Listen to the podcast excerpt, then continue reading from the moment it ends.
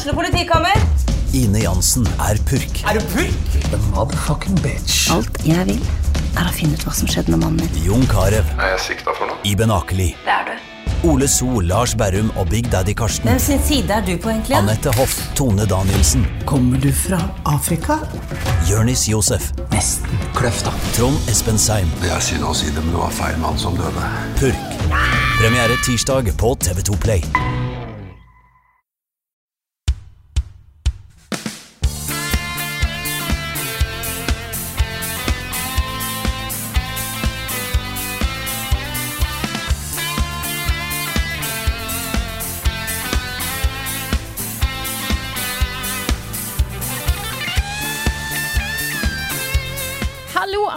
Og velkommen til en ny episode av podkasten Level Backup. Med meg, Frida Danmo, og med meg har jeg selvfølgelig Karl Martin Hogsnes og Rune Fjell Olsen. Hallo, folkens. Hello. Hei, Frida. Du er her fortsatt. Vi har hatt store tekniske problemer nå. Det er alltid like gøy. En Ja. halvtime senere så er vi nå klare, tror vi, da, til å spille inn podkasten. Og en veldig dårlig sånn introvits Eh, ja. senere, så Ja. er vi liksom klare nå. Ja. Ja, dette er andre forsøk. Yes. Andre forsøk. jeg syns du skal ha for forsøket, da. Jeg tok den, og jeg lo inni meg. Ja, jeg har det på opptak. Kanskje jeg legger det som en sånn eh, liten, uh, liten bonusting etter, uh, etter musikken til Ja. slutt i podkasten. Kanskje. Mm. Det er sånn, Jeg prøver meg noen ganger da på vitser, og så ser jeg på dere, og så er dere helt sånn der livløse i ansiktet. Og i Men tillegg altså- da Frida fryser. Sånn bilde, ikke sant? Ja, Så du vet ikke om Frida ler? Nei, sant det, da? Kan lo på innsiden, kanskje. Ja. Jeg kan, jeg kan skylde på at eh, vi spiller inn litt tidligere på dagen enn vanlig. Jeg har ikke sovet så mye i natt, så jeg kan skylde på det da, at jeg var litt for trøtt til å le akkurat da. Jeg Men kan litt lenger ute i podkasten så ler jeg mer. ja. Jeg får håpe det. Jeg kan skylde på at jeg ikke er helt i form i dag, men da jeg klarer Altså, jeg har Med alt det styret vi har hatt med teknisk problem, så har jeg nesten glemt at jeg ikke er helt i form. Eh, for det har vært ja. så mye andre ting som har eh, vært ting. Jeg skulle endt opp med Jeg har prøvd nå Dette er faktisk tredje datamaskin jeg prøver å spille inn denne podkasten på. For den første så hadde vi problemer med internett fordi Wifi-adapteren er dust. På den andre så fikk jeg ikke lyd eller webkamera til å fungere. Og nå har jeg flytta meg til laptopen min og klarte å velte et glass med vann på veien. Så er det liksom I dag er en sånn dag. Det er godt å, det er godt å vite at innimellom så er det bare Går ingenting bra. Men Så- nå har du brukt opp all uflaksen, Ja. så nå kan du ha en fin dag resten av dagen. Hva har du spilt? Spilt i det siste?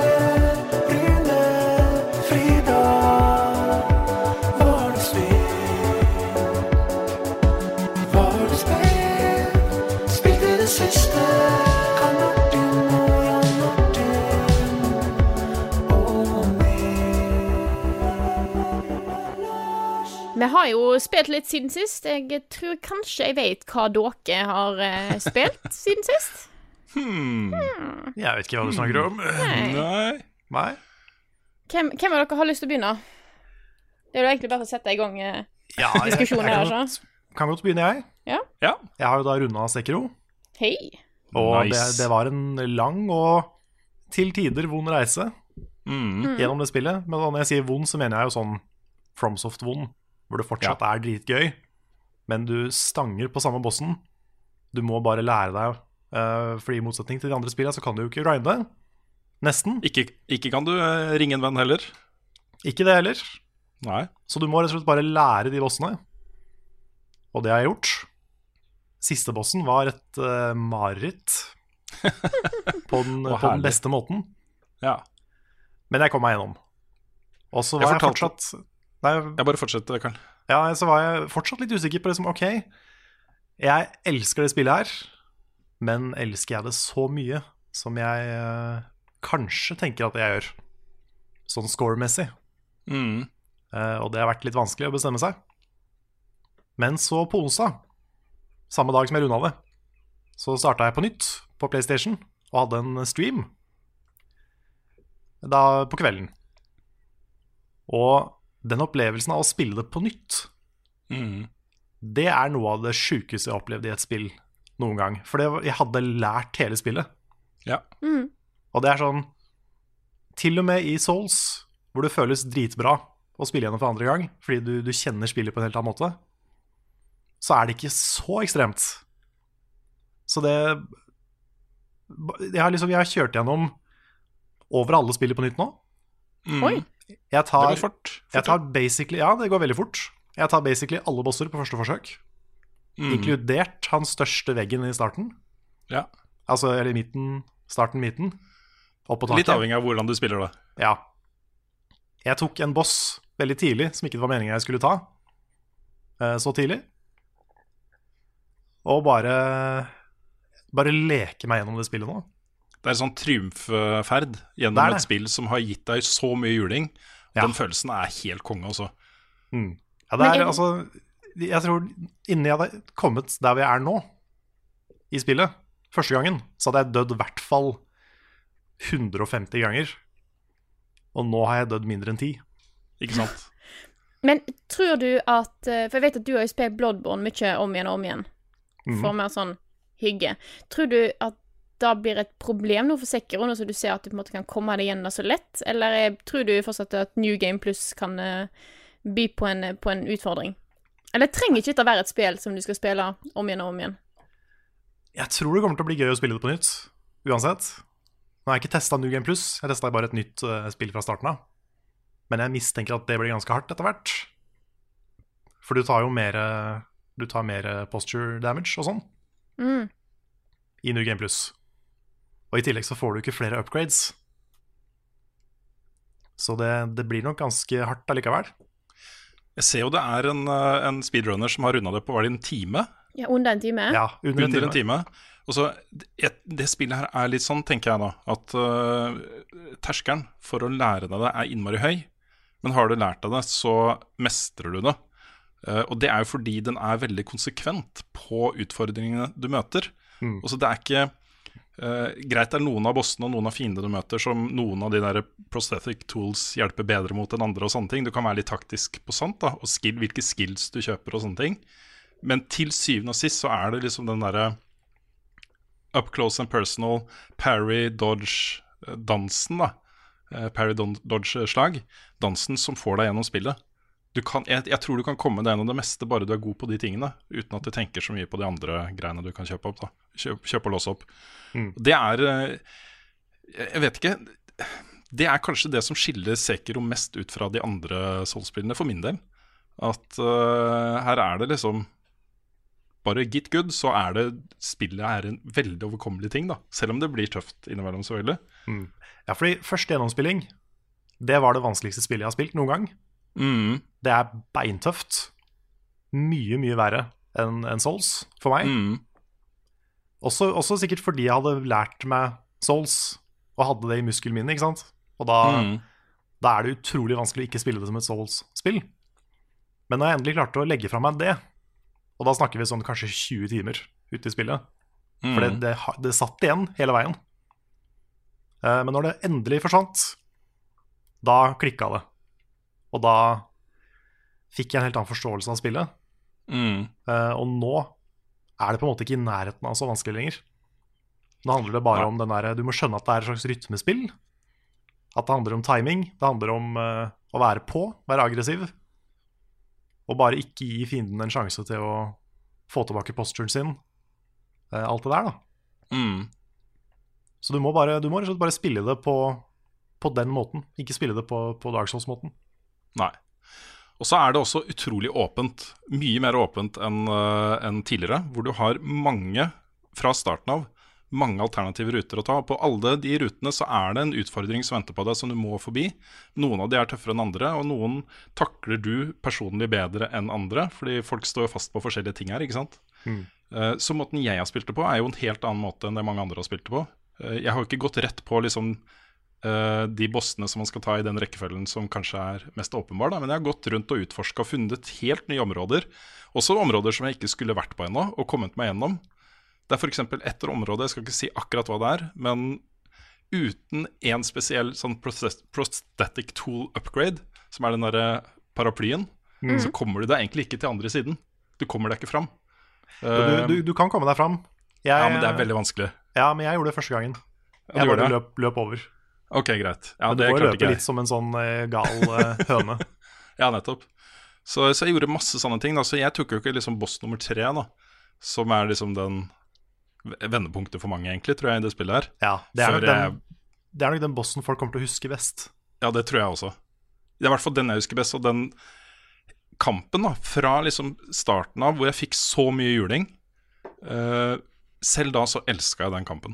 Selv da så var jeg sånn Dette er bare noe av det feteste jeg har opplevd noen gang i noe spill. Den kampen der, hvor du tar hele designfilosofien til Sekiro, dytter den inn i en boss. Bare vær så god, liksom. Enjoy. Ja, ja, det var den kampen jeg begynte å lære meg spillet, ja. eh, fordi du må. Mm, Du kommer deg ikke gjennom den kampen hvis ikke du lærer deg å spille. Det er, da, det er ikke den tredje minibossen, men den tredje boss-bossen. Altså den tredje tredje som gir deg en attack eh, power boost-bossen. nettopp. Da på toppen av, et, eh, av en svær bygning. Ikke sant. Den fighten er så brutal, Mm, men så mulig å lære samtidig. mm, Og eh, kom dit igjen i går, eh, da jeg spilte for andre gang. Grusten på første forsøk. og jeg bare den følelsen.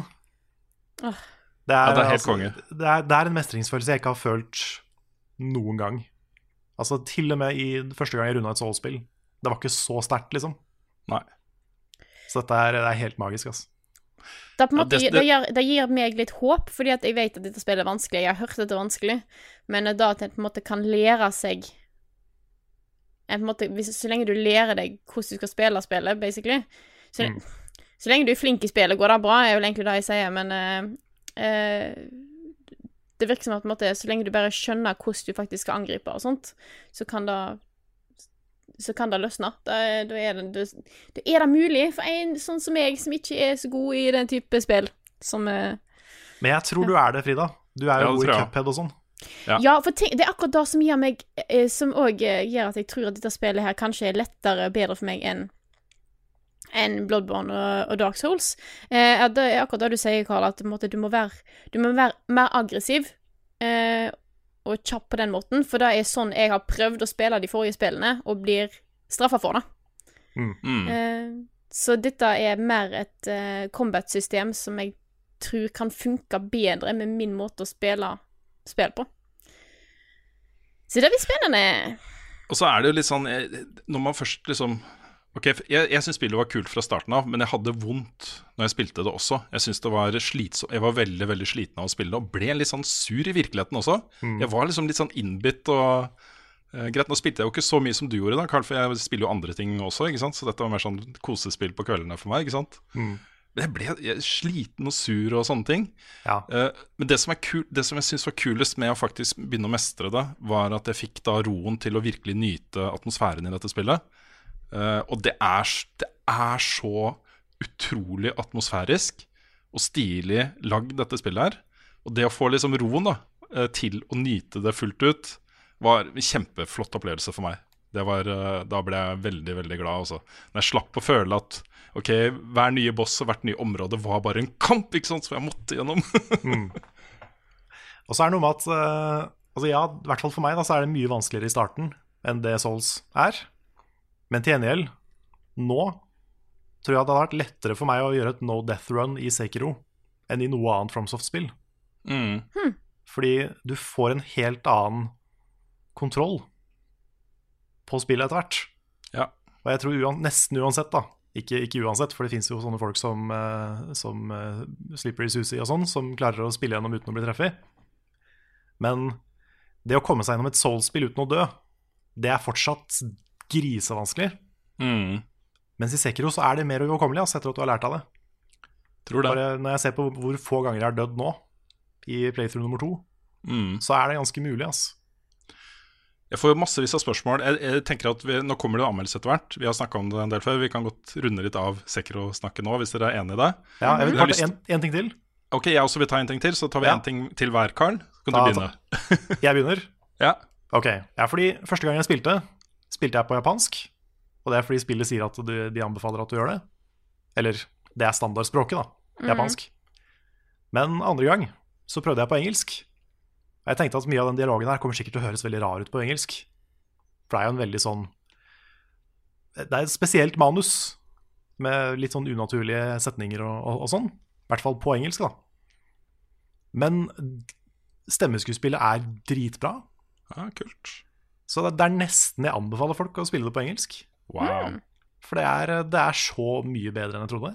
Og bare til og med de litt sånne rare replikkene blir bare levert kjempebra.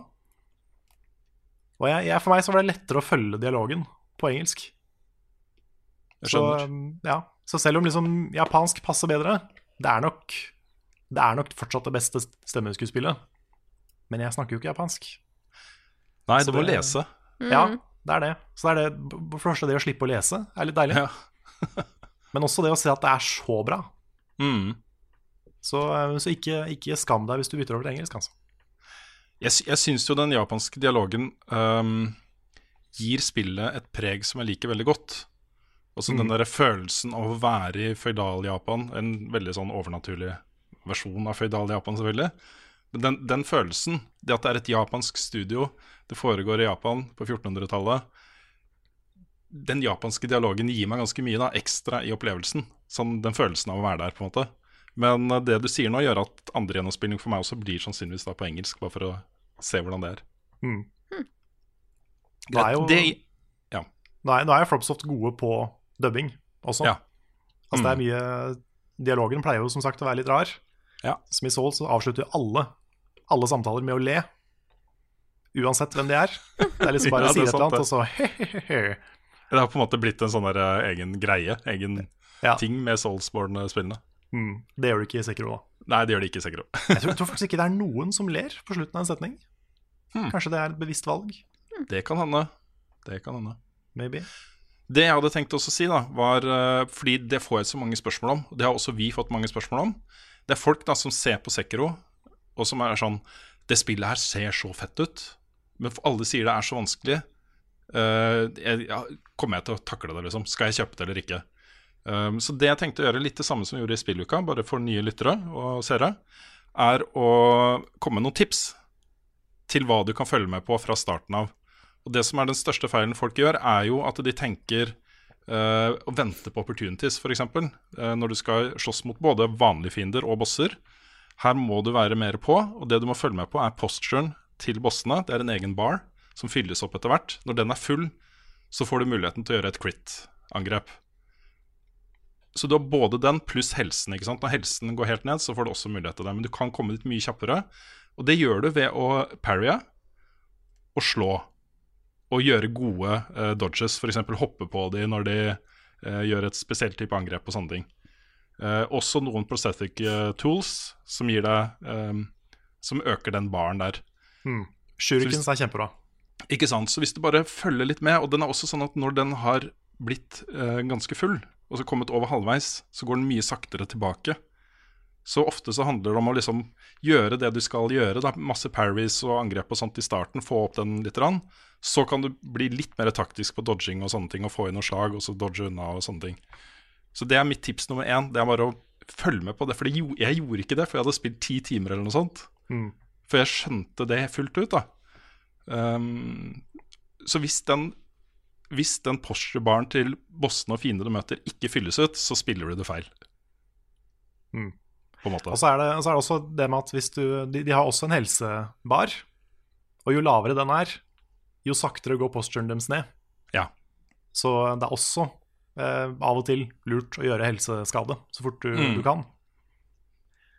Eh, og det siste der er at eh, du, du får en sånn veldig høy sånn klanglyd når du eh, parrier noen. Men den kommer også når fiender parrier deg. Og det er det øyeblikket du, du får vite at nå må du bytte fra angrep til forsvar. Mm. Så du kan være veldig offensiv, men så fort du får den der svære liksom, klanglyden, så må du bytte. Mm. Da må du, gjøre, da må du begynne å parry fiendens slag. Og hvis du klarer å holde det gående hele veien, så får du ikke sjansen til å gjøre noe annet. Nei. Da, da klarer du ikke å recovere. Og da er du, eh, da er du the boss. Ikke sant? Jeg hadde jeg kjempa akkurat mot en boss, jeg skal ikke si noen detaljer om den, men hvor akkurat denne klanglyden Han hadde så eh, høy sving på sitt sverd at den Mm. klanglyden gjorde at han rett og slett bare svima av litt. så at du kunne gjøre damage, ikke sant? Mm. Det var helt fantastisk. Jeg vil også bare nevne kjapt at de som ser denne podkasten her på YouTube, på slutten så er det lagt inn et par bosser. Så bare vær obs på det hvis du ikke vil ha noen spoilere. Det som er liksom først, et godt stykke fram, er mer sånn vanlige områder, ikke noen store spoilere, vil jeg si, da, selv om mye av det vil være det for mange. Så på slutten så er det et par bosser. Jeg bare legger det inn for de som er nysgjerrig. Um, ja, så får du velge selv om du vil se, se det eller ikke, eller bare høre den. Jeg har uh, lyst til å nevne annet, uh, en annen ting som jeg føler jeg har snakka altfor lite om. Og det er uh, Jeg er i ferd med å gjøre ferdig Devil May Cry 5-anmeldelsen nå. Det, det, den kommer nå. Uh, men vi, rollefiguren vi i Devil May Cry 5, føler jeg ikke at jeg snakka nok om. Nei. For jeg har blitt så glad i han. Det Ja. er en så utrolig kul rollefigur. Og jeg fikk litt den der, fordi han er jo ny, en ny rollefigur da, i Devil May Cry 5. Det er liksom første gang du møter han. Men han introduseres på en måte som er litt sånn Han har alltid vært der, på en måte. Og så, eh, han er så naturlig del av eh, Devil May Cry-universet i hans eh, opptreden i dette spillet her. At jeg fikk litt den der følelsen når eh, Buffy plutselig får en søster i en sesong av eh, den TV-serien. ikke sant? Og det går mange episoder før noen anerkjenner at hun har fått en søster, men hun er, det, altså, hun er der plutselig. da, ikke sant? Og publikum blir ikke forklart hvem dette er, og hvorfor hun er der, eller noen ting. Så det gikk en stund hvor jeg tenkte har jeg missa liksom, noen episoder av den serien her? Men det hadde jeg ikke. da. Men det er litt sånn den samme følelsen jeg får av Vi. Det som er kult med han, er jo eh, to ting. Det ene er liksom hele personligheten hans. Hvor han er liksom en sånn emo-vibe Ja. som er dyrka så til de grader. Mm. For eksempel, da, før kamper så kan han lese opp sitater fra en bok som muligens er hans egne sitater, for det står 'vi' på den boka. Ja, ja. det er he- helt herlig. Står Det er og leser opp, altså, ikke sant. Mm, Leser dikt til fiender. Nettopp. Og det andre er at han eh, slåss jo ikke selv. Han har jo noen sånne uh, mytiske skapninger som slåss foran. Så du Ja. står jo da litt på utkanten av kampen ikke sant, og sender disse her for å slåss med fiendene. Mm. Jago og Bagheera. Nettopp. Det, jeg, jeg likte den avvekslingen så godt, da, for du har jo et par andre eh, characters du styrer i det spillet her. Men jeg syns, jeg syns det å kunne spille som vi var alltid et lite høydepunkt for meg. Det var en sånn herlig opplevelse eh, få de der tørre, nydelige betraktningene hans av livet. Litt sånn som da dere anmeldte Shadow the Hedgehog. Ja. mm. Eh, pluss da kampsystemet hans, som jeg elsker. ja. Sonic Forces, mener du? Ja, det var det jeg mente, selvfølgelig. Ja. Sonic Forces. Så ja, eh, da har jeg hylla Vi. Han fortjener eh, hyllest. En av mine all time favorittspillfigurer, eh, faktisk. Absolutt. Og så igjen, bare hvor herlig det er når eh, han Jago, jeg husker ikke hva han egentlig heter, spør om han eh, tenker på mora si. Han liksom bare mm, It's hard not to. ja. Det er bare Å, det er så Wow. prima. Det er så mm, mm. Elsker det.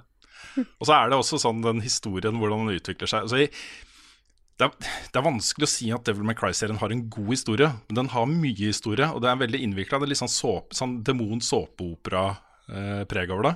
Ja. Eh, det jeg syns de har fått til her, er liksom å ta den helt ut.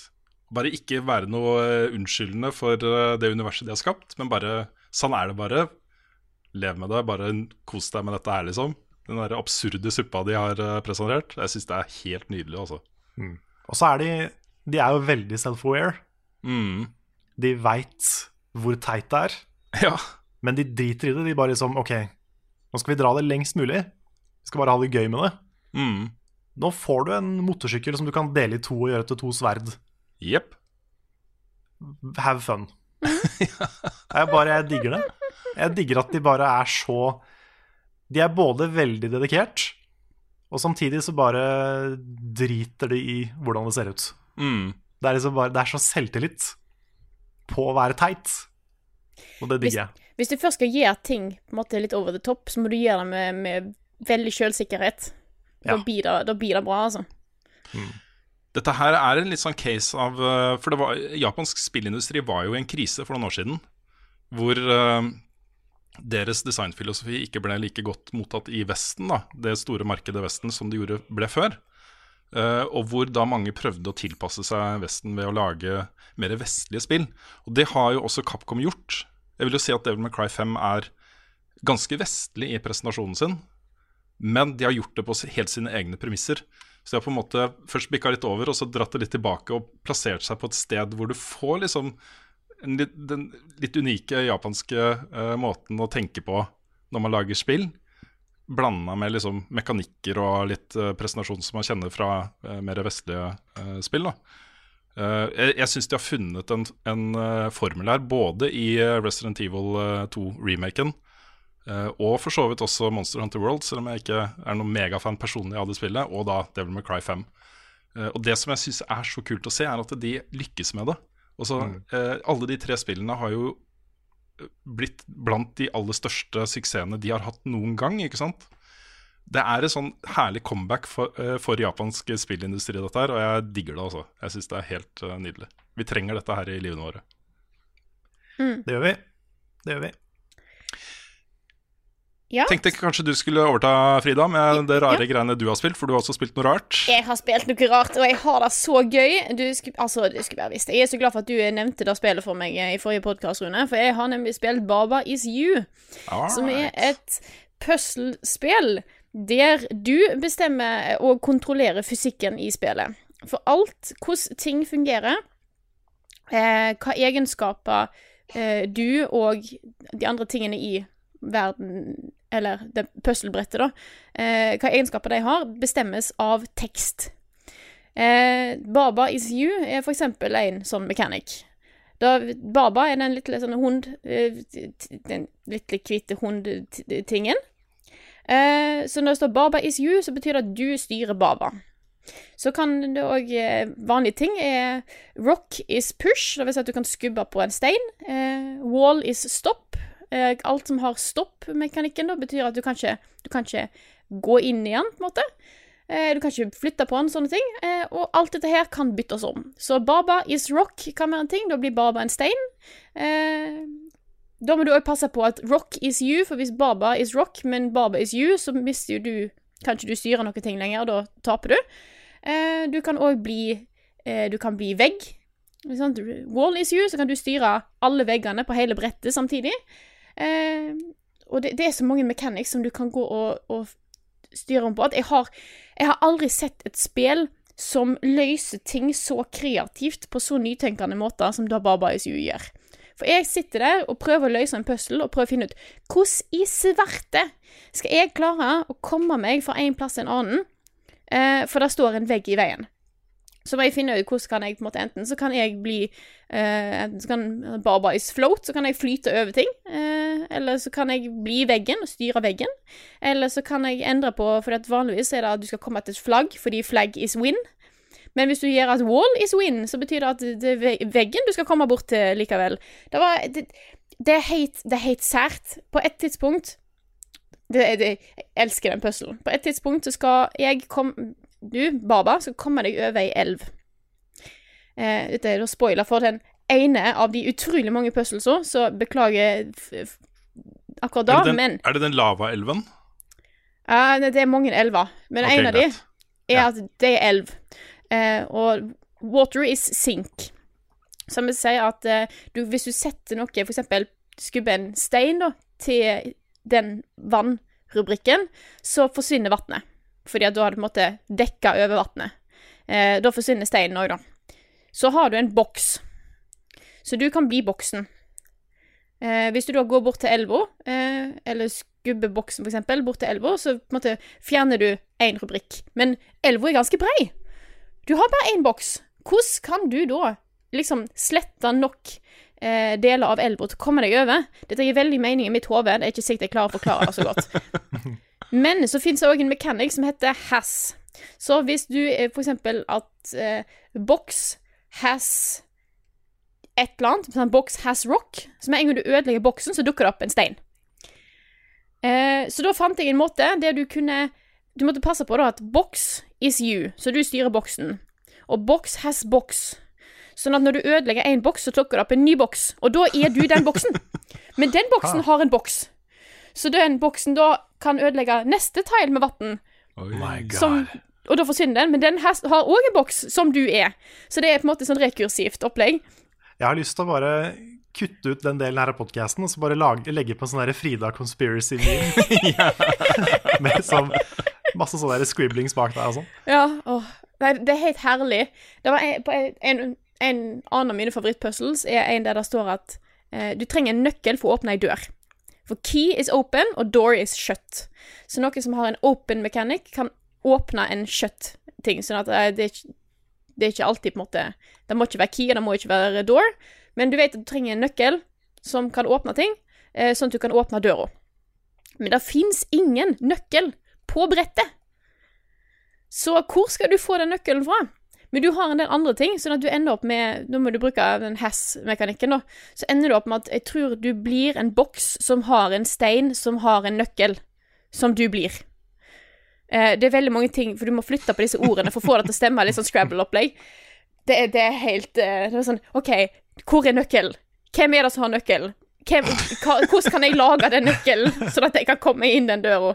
Så det, det Jeg sitter der og er halvveis frustrert, fordi at jeg skjønner ikke på en hva Hvordan i alle dager skal jeg få dette her til å gå opp? Hvordan skal du klare å løse denne puzzlen her?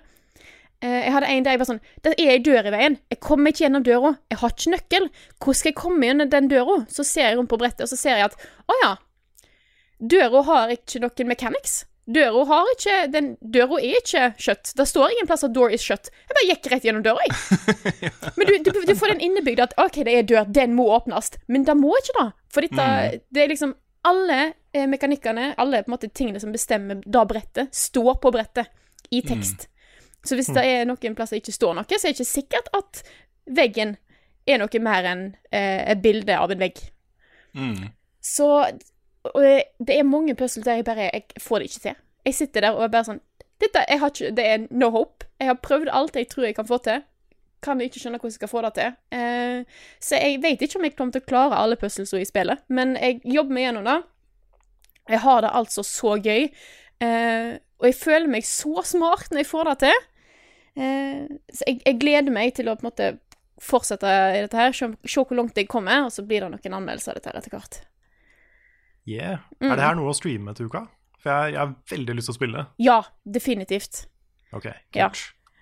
Eh, da blir jeg gjerne med og ser på, eh, f f eh, kanskje prøve å ikke blir irritert hvis, vi ikke, hvis du ikke klarer å finne Ja, ut for du, eh, kom, du kommer nok til å bli irritert hvis du Ja. kan det. Ja, Hvis jeg men bare uh, Baba is uh, ba, uh, Jeg kommer Ja. bare til å si det sånn, vet du. Ja. Nei, men det, Jeg- det er en bra stream, altså. Jeg kan jo nevne at I forrige uke så hadde jeg tenkt også å spille Baba Is You i halvannen time for å kunne bare legge på det som video til podkasten. Mm. Jeg kom til en puzzle hvor jeg følte meg bare så dum, og jeg fikk det ikke til. Og det tok- litt for lang tid, så tenkte jeg vet du hva, jeg vil ikke eksponere meg selv som så dust og dårlig i det spillet her at uh, vi legger på noe annet. Ja, Det er fint at du sier nå som jeg har sagt at jeg skal streame det. ja, kjempebra. Du er, jeg tror du er litt smartere enn meg på sånne ting. Jeg vet ikke.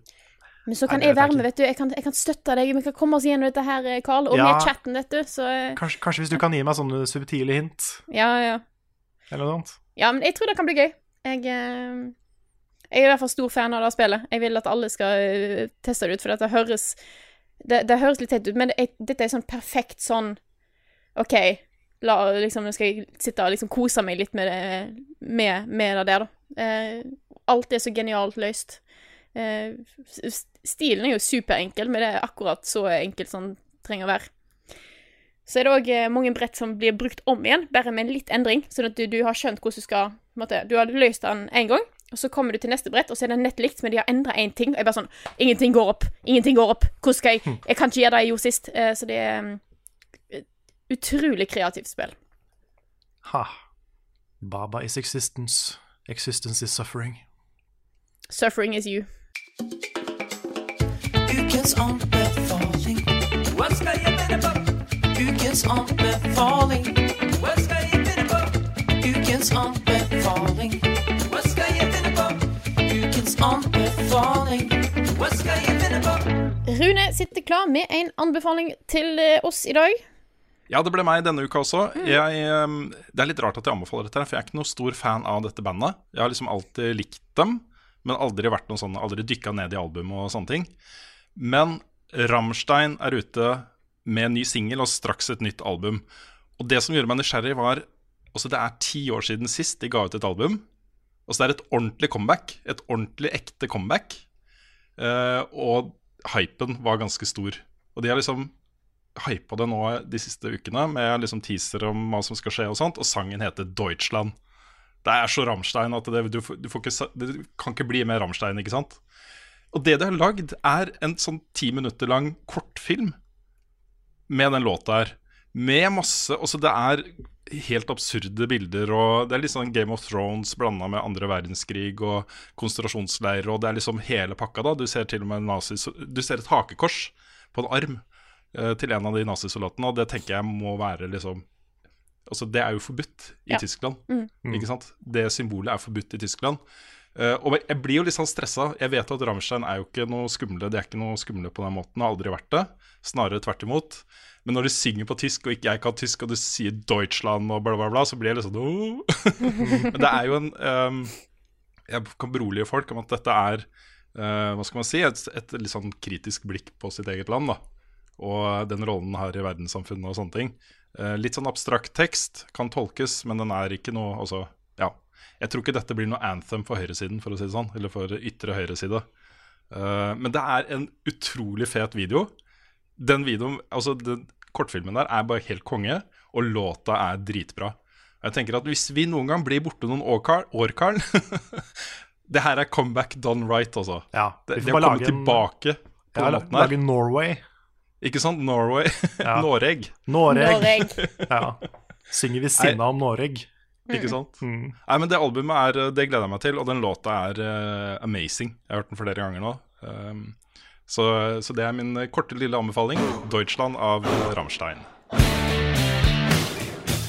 Her kommer nyheter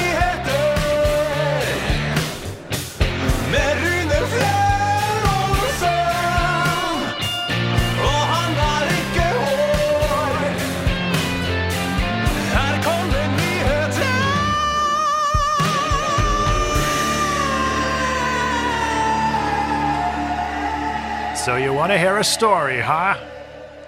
Tok du den? Nei. Nei. Da er vi der igjen, ass. Da feila vi, feila vi igjen. Men det er fordi den traileren, ikke sant, på, Ja. på, på, på Gearbox sin pressekonferanse, Mm. den, rakk, den rakk å ha Do you wanna hear a story, og så kutta han. Ja. Ja, stemmer det. Stemmer det. Pokker, altså. Staker den, eh, staker den pressekonferansen der, altså. Der var Uff, det ja. mye Mye ja, Altså, de hadde mye kult å vise fram, det var bare litt vanskelig å få det vist fram, var vel egentlig Det var litt morsomt, fordi eh, grunnen til at vi spiller inn denne podkasten på fredag, som vi da gjorde forrige uke også, er jo fordi i eh, går, på torsdag klokka sju, så hadde Gearbox eh, en pressekonferanse. De hadde tisa at de skulle eh, avduke Borderlands 3. Um, og internett var klare for å vite hva Borderlands 3 var for noe.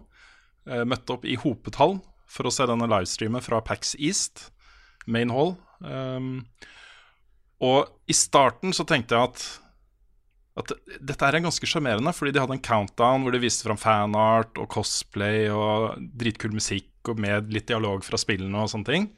Og så starter det, og så er det liksom Randy Pitchford, og da uh, Jeg tror han er liksom uh, design director for Borderlands 3, med mikrofon som ikke får sagt noen ting. Randy Pitchford står og snakker og snakker og snakker. Jeg skjønte egentlig ganske fort at det var en liten joke, da. For han hele, gjennom hele pressekonferansen så skulle han liksom til å si noe, og så fikk han ikke lov.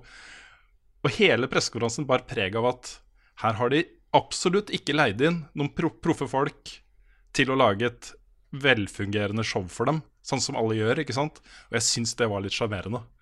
Det at de fiksa dette her sjøl, um, syns jeg var liksom litt forfriskende, da. Uh, og så havarerte det jo på slutten, Ja. Ja, ikke ja sant? Ja, Siste halvtimen, egentlig. ja. Ja. For det var, først så var det en veldig lang sekvens som virka utrolig pointless sånn i ettertid, med Randy Pitchford som skulle vise et korttriks. Oh, yeah. Og den, herregud, så lang den, den delen var.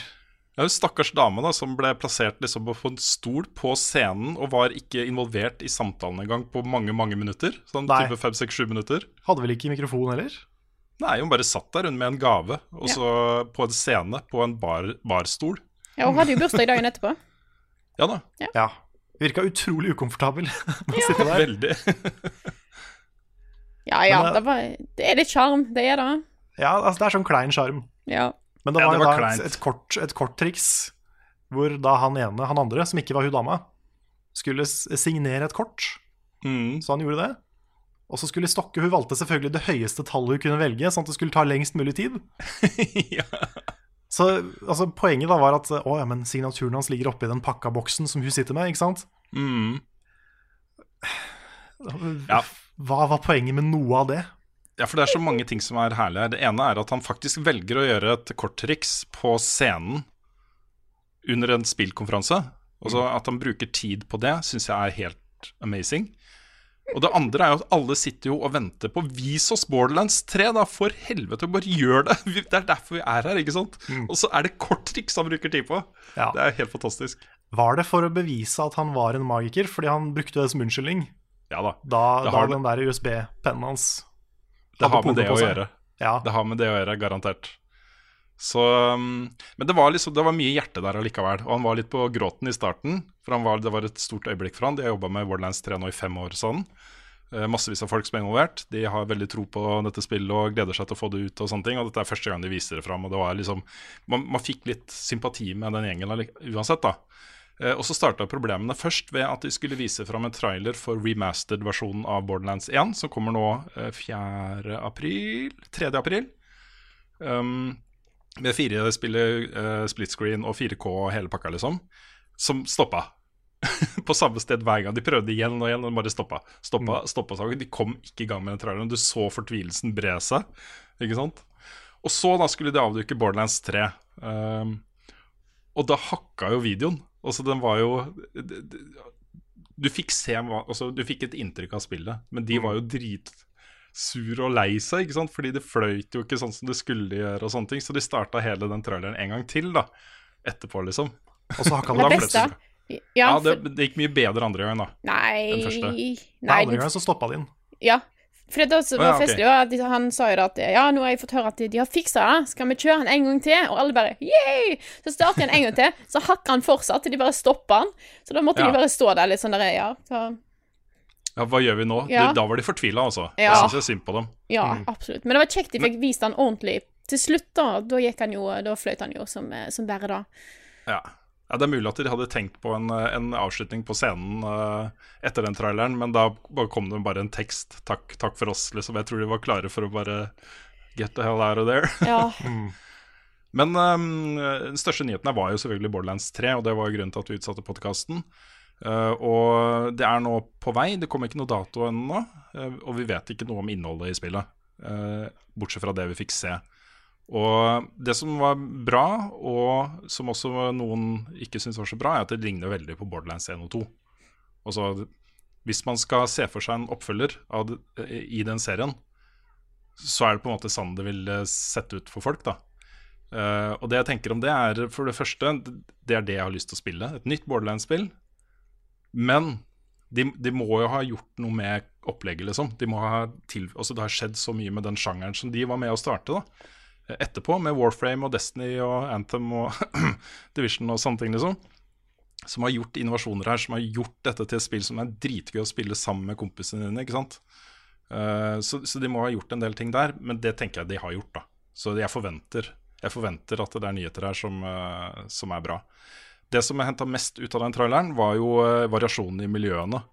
Du fikk se et veldig kort glimt for eksempel, av en, en skikkelig sånn high-tech storby med skyskrapere og sånt. Og da ble jeg sånn oh yeah! Dette er fett. Um, så jeg, egentlig var det, jeg, jeg tror de bare ville vise fram variasjon i uh, miljøer og sånne ting. Uh, noen herlige våpen og uh, kjøretøy og, og sånne ting. ja, for det er vel over one billion guns, Billion. Ja. One billion guns. Det er fordi de har eh, modifiseringer, ikke sant. Du kan sette sammen din egen gunner på en eh, måte som gjør den unik. En Yep. kombinasjon som er unik. Nei, jeg har veldig troa på Borderlands 3. Uh, det, mitt eneste store usikkerhetsmoment er jo, um, uh, er jo Gearbox. Er de fortsatt i stand? Er de, er de det samme, har de den samme troa på dette her? For jeg, dette handler mye om selvtillit for min del. Da. At du, du må, de må ha troa på at de klarer å levere en, en eh, opplevelse som gir den samme effekten som det de har gjort før. ikke sant? Hvis ikke de har den troa og selvtilliten på det, så kan det fort bli litt kleint. Det håper jeg ikke skjer da. Nei, nei, de har gått på noen smeller de siste åra. Både med Alien eh, Colonial Marines og Battleborn, var det ikke det det het? Stemmer det? Å, Ja. ja, stemmer det. Det gikk jo virkelig i dass. Mm. Nei, jeg, jeg vet ikke, men uh, nå får vi vite mer snart, så um, Så jeg hadde jo en sånn der, lite håp da om at eh, For det beste de kunne gjort der, er å bare gjøre spillet ferdig og lansere det. Sånn som eh, Apex Legends eh, gjorde det, f.eks. Det hadde vært en helt kong... Da hadde det tatt over internett og spillmediet i ganske lang tid, da. Hvis de bare hadde gjort det, ikke sant. Det skjedde jo ikke, men det kommer snart. Jeg er faktisk også veldig gira på Borderlands 1 remastered-spillet, som kommer nå neste uke. Det tror jeg kan være et kult gjensyn, ikke minst fordi de sier de har jobba mye med eh, slutten på spillet. Så jo, jeg likte slutten, men den var litt Den uh, var litt antiklimatisk.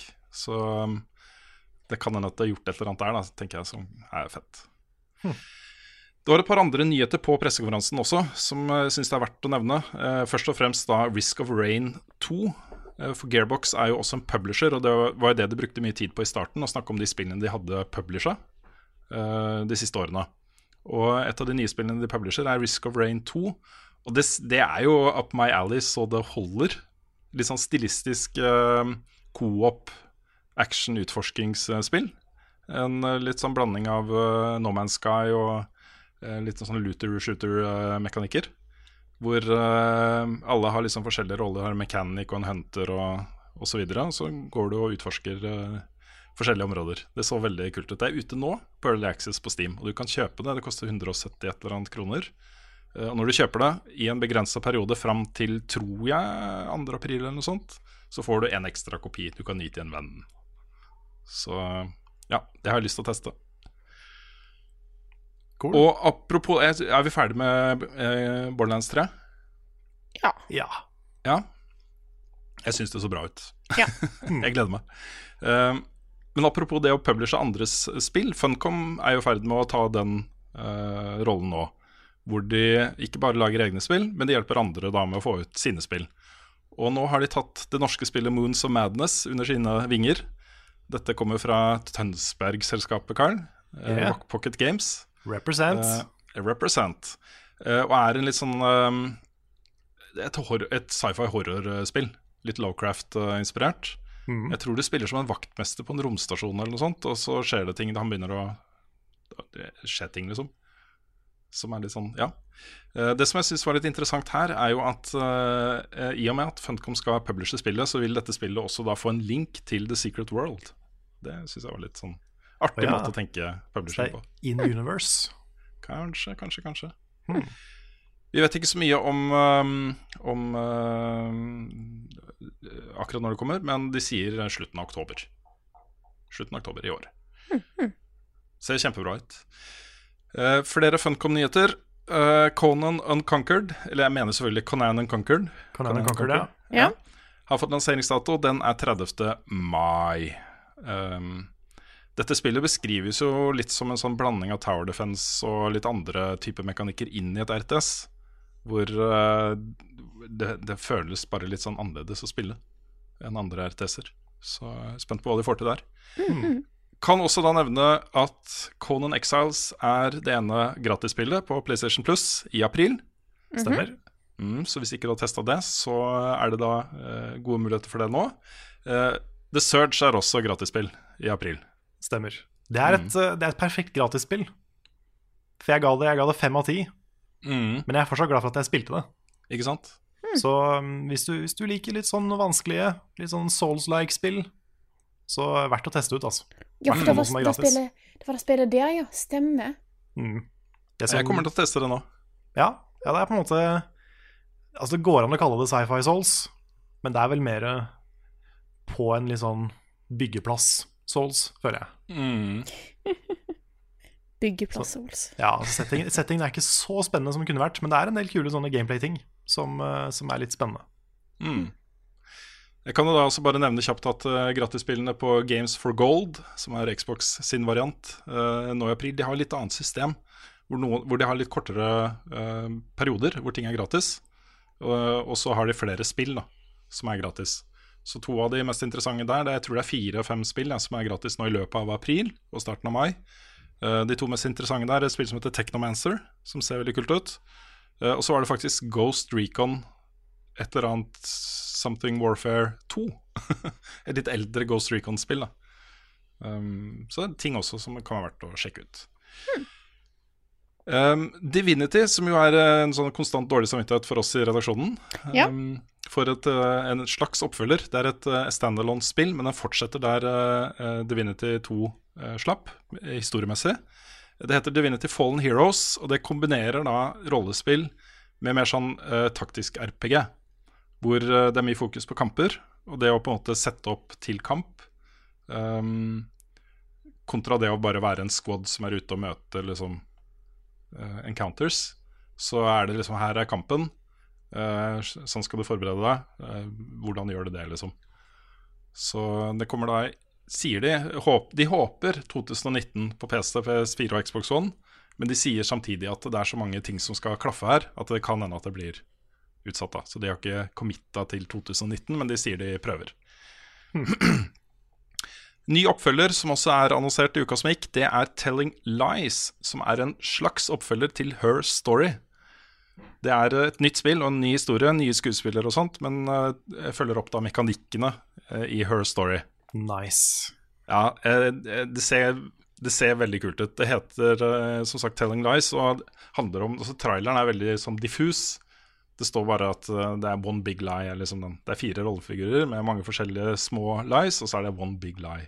Eh, det var også noen kjente skuespillere der. Um, ikke at jeg kan liksom ramse opp alt de har vært med i, men jeg kjente igjen han som uh, en av de uh, hovedpersonene, som heter Logan Marsh Marshall Green.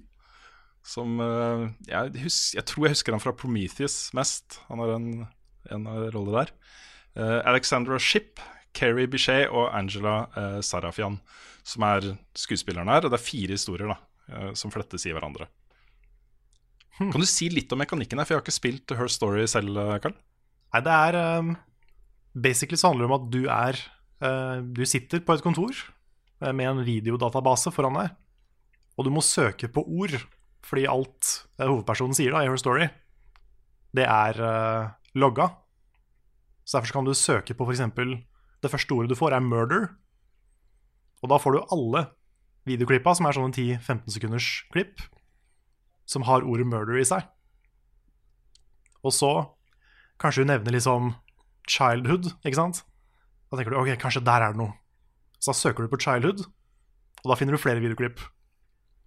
Og via det, da, via liksom sånn finne ord, eh, tenke seg fram til hva er de beste orda å søke på for å komme til bunns i den saken her, eh, så finner du mer og mer videoklipp.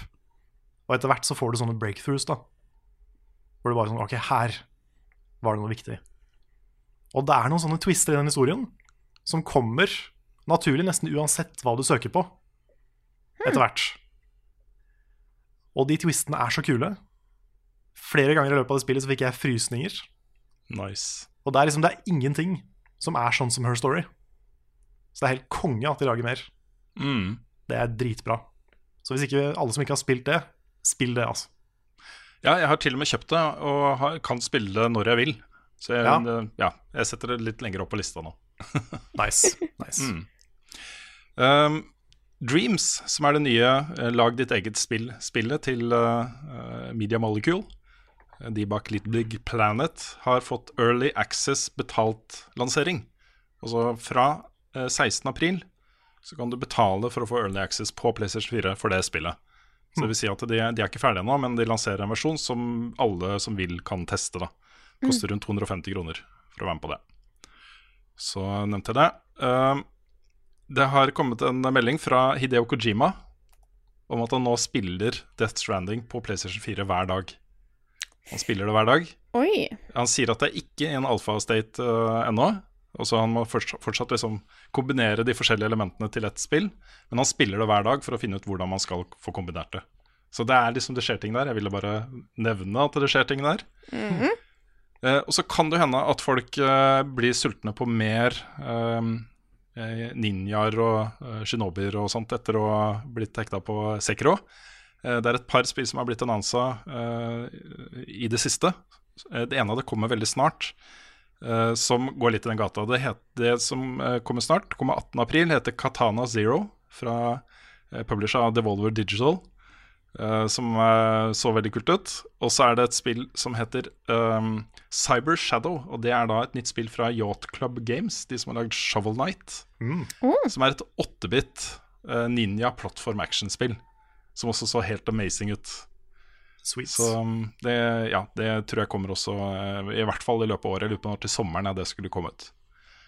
Så der blir det mer ninja-action. Action, Og så et rykte til slutt. Dette er bare et rykte. Jeg vet ikke om jeg tror på det. Jeg ville bare nevne det, bare for å sette i gang litt sånn tankeprosesser hos folk. Det går et rykte, det går to rykter om det neste, altså det uannonserte spillet, ikke-annonserte spillet til From Software. Eh, Det ene ryktet er at det er et mer open world-spill, altså et større eh, i sånne områder du kan utforske og sånne ting. Og det nye ryktet er at George R.R. Martin hjelper de med worldbuilding. Oi. Holy shit, hvis det, er, hvis det viser seg å stemme. Damn. For det første vil spillet aldri komme ut, eh, fordi det vil ta for lang tid. Eh, men Nei, men det er stilig. Men får vi se om det stemmer, da. Det hadde jo vært interessant. Jeg vet ikke, Det som taler imot det ryktet, da, det er jo at From Software er jo blant verdens beste til worldbuilding. Ja. Syns jeg, Ja, da. det er sant. Ja. Så- De trenger det ikke. Nei, men uh, who knows? ja. Altså, brutalt gameplay med brutal historiefortelling, det er jo en god match. Ja, og så kan det hende at uh, George R.R. Martin kaster seg på alle sånne ting som man kan kaste seg på, bare for å slippe å skrive den siste boka i, i serien sin, ikke sant? Ja. Det, ja. Så det gjør det kanskje mer plausibelt igjen, da. Ja, kanskje. kanskje. Kan jeg legge til en ting til? Det kan du. Fordi uh, den siste DLC-en til Final Fantasy 15 kom ut uh, nå. Og da har de også gått ut og sagt at det teamet som står bak Final Fantasy 15, har begynt på et nytt spill. Oi. Et nytt stort trippel A-spill. Og det er det eneste vi vet. Ja, men det, det er for første gang, da. Så skal de lage det spillet en gang til etterpå, ikke sant? Ja, nettopp. Ja. Mm. ja, nei, det er, det er jo um, et nytt studio, så vidt jeg har skjønt, som ble forma um, etter Final Fantasy 15, mener jeg, hvis ikke det var rett før det kom ut. Uh, så det blir da det første nye spillet de jobber med. For de har jobba bare på DLC fram til nå, så vidt jeg har skjønt. Mm. Så det er da Jeg lurer på om det er det som heter Luminous Studio. Men, eh, men det blir spennende. Nytt trippel A. Det kan hende det er Final Fantasy 16, for alt vi vet. Kommer Rune sin standup på DVD, eller? Jeg selger et guttenavn. Hva er det vesle karet sitt? Hvilket språk snakker Frida egentlig? Hvorfor er Mario rørlegger? Er vi klare til å svare på spørsmål fra lytterne våre? Vi er klare! Supert! Vi begynner med første spørsmål her, som er fra Arnt Fissum Rian, som skriver Vil en gjennomstempling av artikkel 13 og 11 i Stortinget medføre konsekvenser for level up? Dette òg vi har fått spørsmål av eh, Vi har fått det av flere, eh, men han hadde en så veldig fin eh, fint bilde med spørsmålet sitt, som var en article 13 compliant frog, så da tok vi den. Mm. Ja, også dette er jo gamle, gamle nyheter for mange. Dette er jo forslag eller uh, nye lover som har blitt forsøkt gjennomført før. eh, som nå har fått noen modifiseringer, uh, og som ser ut til å gå gjennom EU-apparatet. Det ser ut til at EU kommer til å godkjenne både artikkel 11 og 13. Um, og da er det jo også, Det vil jo være en ny runde på det her i Norge. Siden vi ikke er fulle EU-medlemmer, så vil det være en ny runde. Stortinget må godkjenne at de lovene er Så det er ikke gitt at vi får de samme reglene her. Men hvis dette går gjennom, så kommer det til å få stor betydning for først og fremst da alle de plattformene folk bruker eh, til å publisere innhold. Det gjelder Reddit, det gjelder YouTube, det gjelder Facebook, eh, Instagram, Snapchat. Alt, liksom. Alle steder hvor folk publiserer innhold i dag, vil bli berørt av dette her. Eh, og det det går på, er to ting. Artikkel 11 er eh, en mye kraftigere kopibeskyttelse, altså strengere eh, regler for sitatrett og fair use, f.eks. Ofte, sånn som det er i dag, så brukes jo innhold under fair use-paraplyen om at dette er med for å understreke et poeng. Vi har gjort et redaksjonelt arbeid rundt det, men vi bruker dette fordi det er viktig for Ikke sant? Eh, det vil bli mye, mye strengere regler på det. Og meningen der da med artikkel 11 er jo å gi kopi, eh, også opphavsrettsmenn og -kvinner større rettigheter, mer rettigheter, større muligheter til å kontroll over sitt eget innhold og muligheten til å tjene penger på det. At ikke folk snylter på andres innhold for å liksom tjene penger. Sånn som f.eks. BuzzFeed og en del sanne sider fungerer, hvor de videreformidler ikke sant, comic strips og, og sånt, og massevis av visninger og annonseinntekter og sånt som aldri eh, opphavsrettsfolka eh, får se et øre av, ikke sant. Samme med Facebook-side som ripper videoer fra YouTube, og så skriver de Ikke kanskje sant. en kommentar eh, nederst så liksom Ja, det henter fra den personen, liksom. Eh, Mm. Men de får millionervis av visninger, og derfor eh, revenue på det. Ja, så det er utgangspunktet. Og sånn, det, det er jo fullt mulig og øh, ganske obvious at dette er, det er ting her, elementer her det er helt, helt fair å være enig med. Altså, ja, det stjeles utrolig mye på internett. Ja, det er veldig mange øh, Ofte også øh, folk som ikke er svære, liksom. Bare altså, øh, illustratører. øh, kunstnere, designere som har lagd dritfette ting som plutselig havner på T-skjorter over hele verden, eller Mm. ikke sant, blir videredelt. Og det genererer utrolig mye inntekter som de aldri ser. Det er det Her må det jo gjøres en jobb, ikke sant? Mm. Ja, tanken Um, er god her. tanken er- den, første, den første tanken er god. Ja.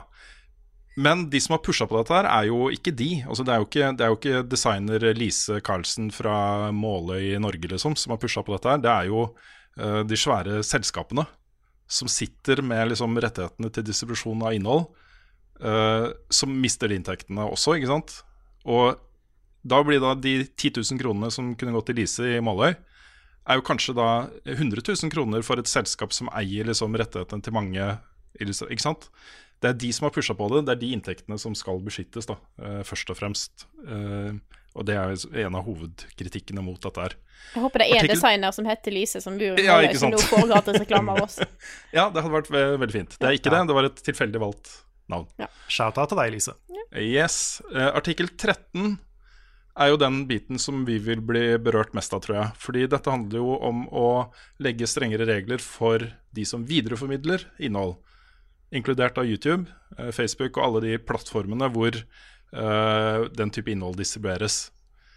Det vil i praksis helt sikkert bety uh, mye mye strengere kopibeskyttelsesregler og algoritmer på YouTube f.eks., som er vår viktigste, det er vår primærkanal for å distribuere innhold. Um, det som hadde truffet oss hardest, er jo hvis uh, spillutgiverne begynner å enforce mye striktere regler for bruk av video fra spill. Da blir det vanskelig for oss å lage innhold. Ja. Så det, det er liksom skrekkscenario er det, da.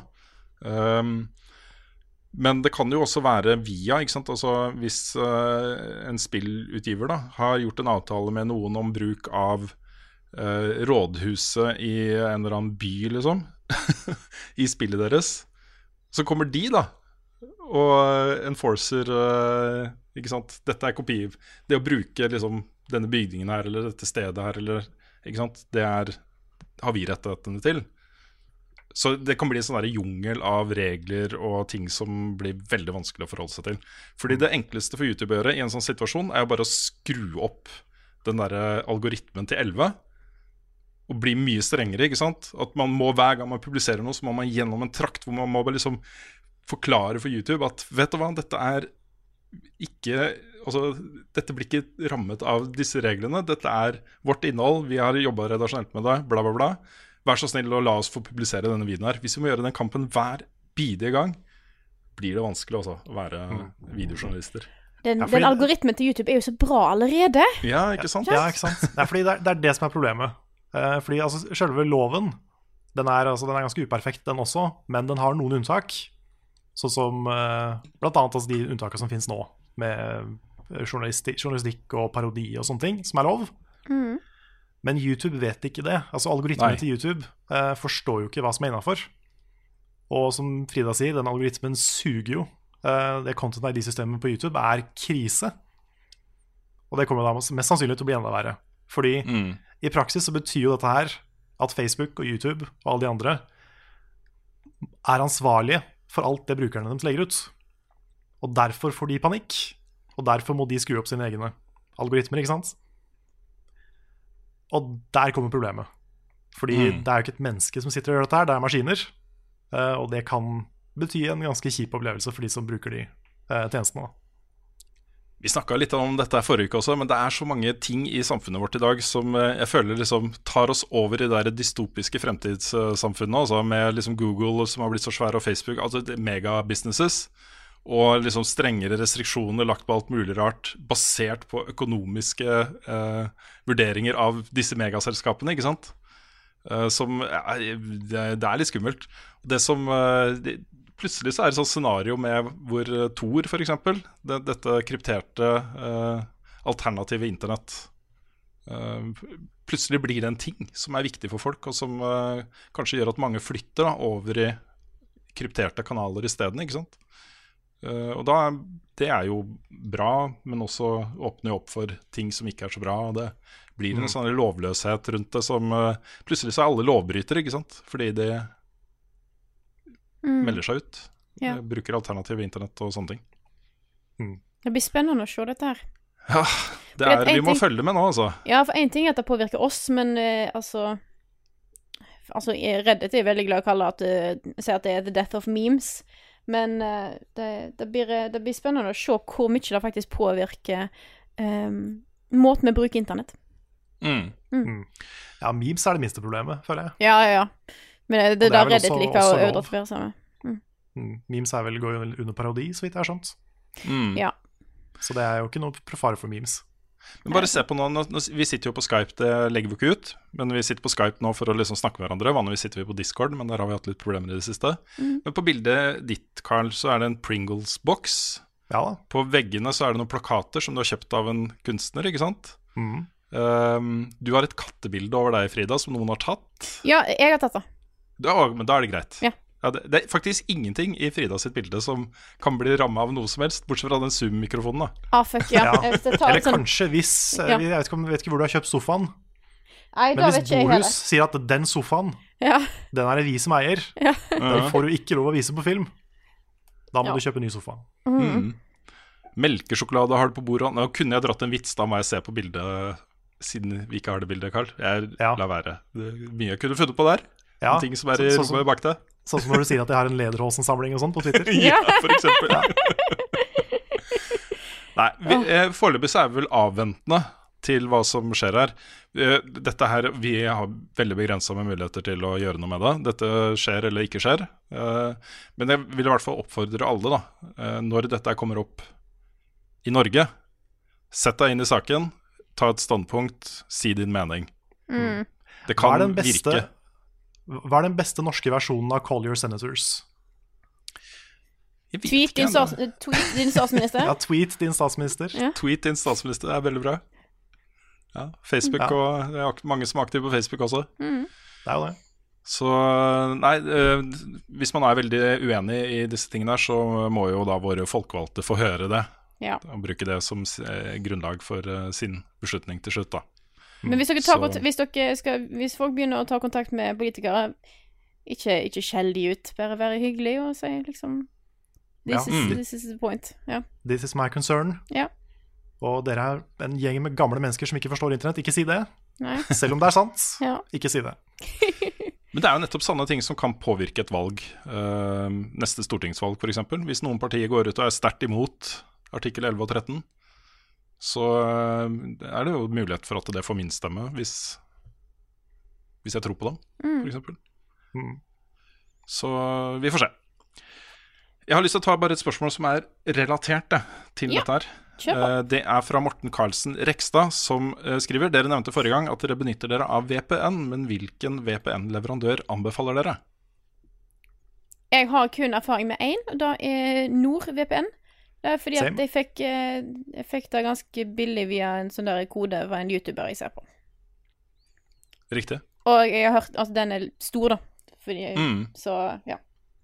Det, det Men NordVPN NordVP NordVPN topper jo mange sånne tester Mm. av VPN-nettverk. Eh, Jeg vil jo si at, eh, at punkt én, det fins gratis VPN Ja. som du kan bruke. Mange av de har båndbreddebegrensninger. Noen av de har det ikke. Jeg vil jo si at de som scorer best på alle testene jeg har sett, er jo de som har en premium-modell, hvor du må betale litt i måneden eller litt i året for å bruke den. Så det er et utgangspunkt. Det er ikke mye, det er en hundrings i måneden kanskje. Uh, ikke det engang, mange av de. 50-lapp. Jeg vil si det er verdt det. Ja. Det, det er, I mange settinger så er det verdt å ha.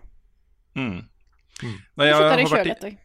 Jeg har vært så vidt innom NordVPN, men den jeg endte opp med å committe til, er en som heter ExpressVPN. Er, det er særlig ExpressVPN og, og NordVPN som scorer best av i alle disse testene. Store, seriøse ting, og begge har til felles. Alle disse beste har til felles at ikke de lagrer trafikken din i det hele tatt. eh, og at de gir deg mange options i hvor du skal si du kommer fra da, når du er på nettet. ikke sant? Mm. Eh, og at det er litt automatikk i det. Ja. Men jeg har testa en annen også som jeg anbefaler, som jeg syns er dritbra, som heter eh, Tunnel Bear. Den er bra fordi den er litt søt og kul. Da er det på en måte bjørn, da, animert bjørn som dukker opp forskjellige steder i verden basert på hvor uh, dette programmet sier du er fra. Så, eh, men den er også en premium-modell. Uh, ja. Så det er Mine tre anbefalinger er de tre, da, men det fins massevis. Så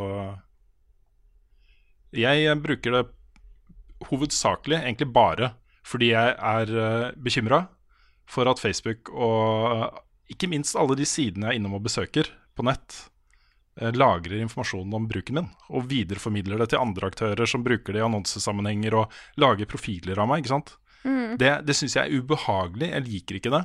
Eh, Jeg har ikke VPN på PC-en min, eh, men det er fordi den vanlige nettbruken stort sett er på telefonen min nå, ikke sant. Mm. Så mm, ja. Men alle disse er pre premiemodellene. Jeg kan ha det på PC-en hvis jeg vil. For det er, det er inkludert ikke sant, tre, fire, fem oppkoblinger med forskjellige plattformer og osv. Så, videre, så det er bare kanskje litt latskap at jeg ikke har det på PC-en. Profilen min på- PC er bare spillnyheter og spill, eh, Ja. basically.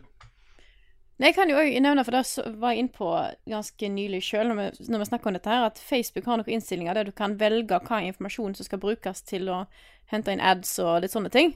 Du kan velge på en måte om man skal lagre det og sånne ting. Så jeg bare takker nei til alt. Eh, Mm. Som har ført til nå at eh, Facebook gir meg sånne undersøkelser. Jeg tweeter om dette her faktisk. Gir meg undersøkelser for å prøve å finne ut hva type ads har jeg lyst til å se. Ja. Eh, så da fikk jeg opp jeg lurte, Det var liksom flere innlegg. Som var, det ene var liksom Ja, har du lyst til å se reklame for Coop?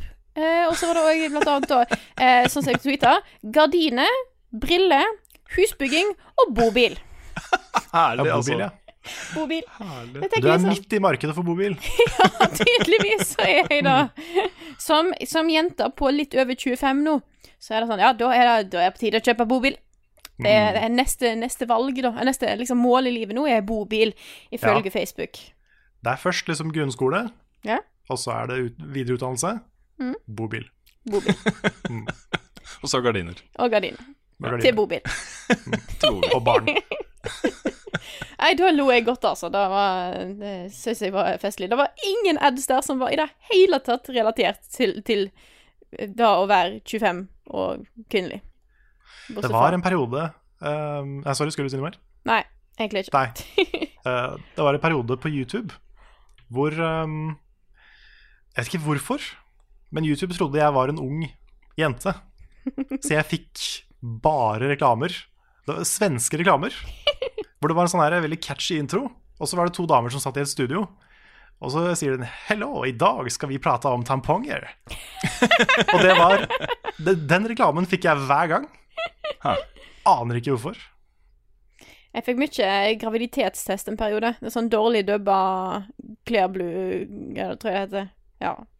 Så, Det her er in before alle kommentarene om at uh, alle disse algoritmene er basert på hva vi har søkt på og sånt. da Bare så dere Ja. er klar Ja, over det. jeg har ikke søkt på tamponger, altså. Nei. Jeg har ikke, jeg har ikke søkt på noe annet som er sånn typisk, uh, tror jeg heller. Nei. Jeg prøvde å finne det, nei, jeg, jeg vet ikke hva det kunne vært. Jeg tenker liksom Pokémon, men det er ikke, det er ikke Pokémon og tampong. Jeg ser ikke noe sånn Jeg, jeg ser ikke noe Hvor tenkte du at den linken der Nei, for da er du ung, ikke sant? Men det er jo ikke, det er jo ikke noe spesiell sånn kjønnsmålgruppe i Pokémon, er det det? Nei. Nei. Nei, så det kan ikke være det.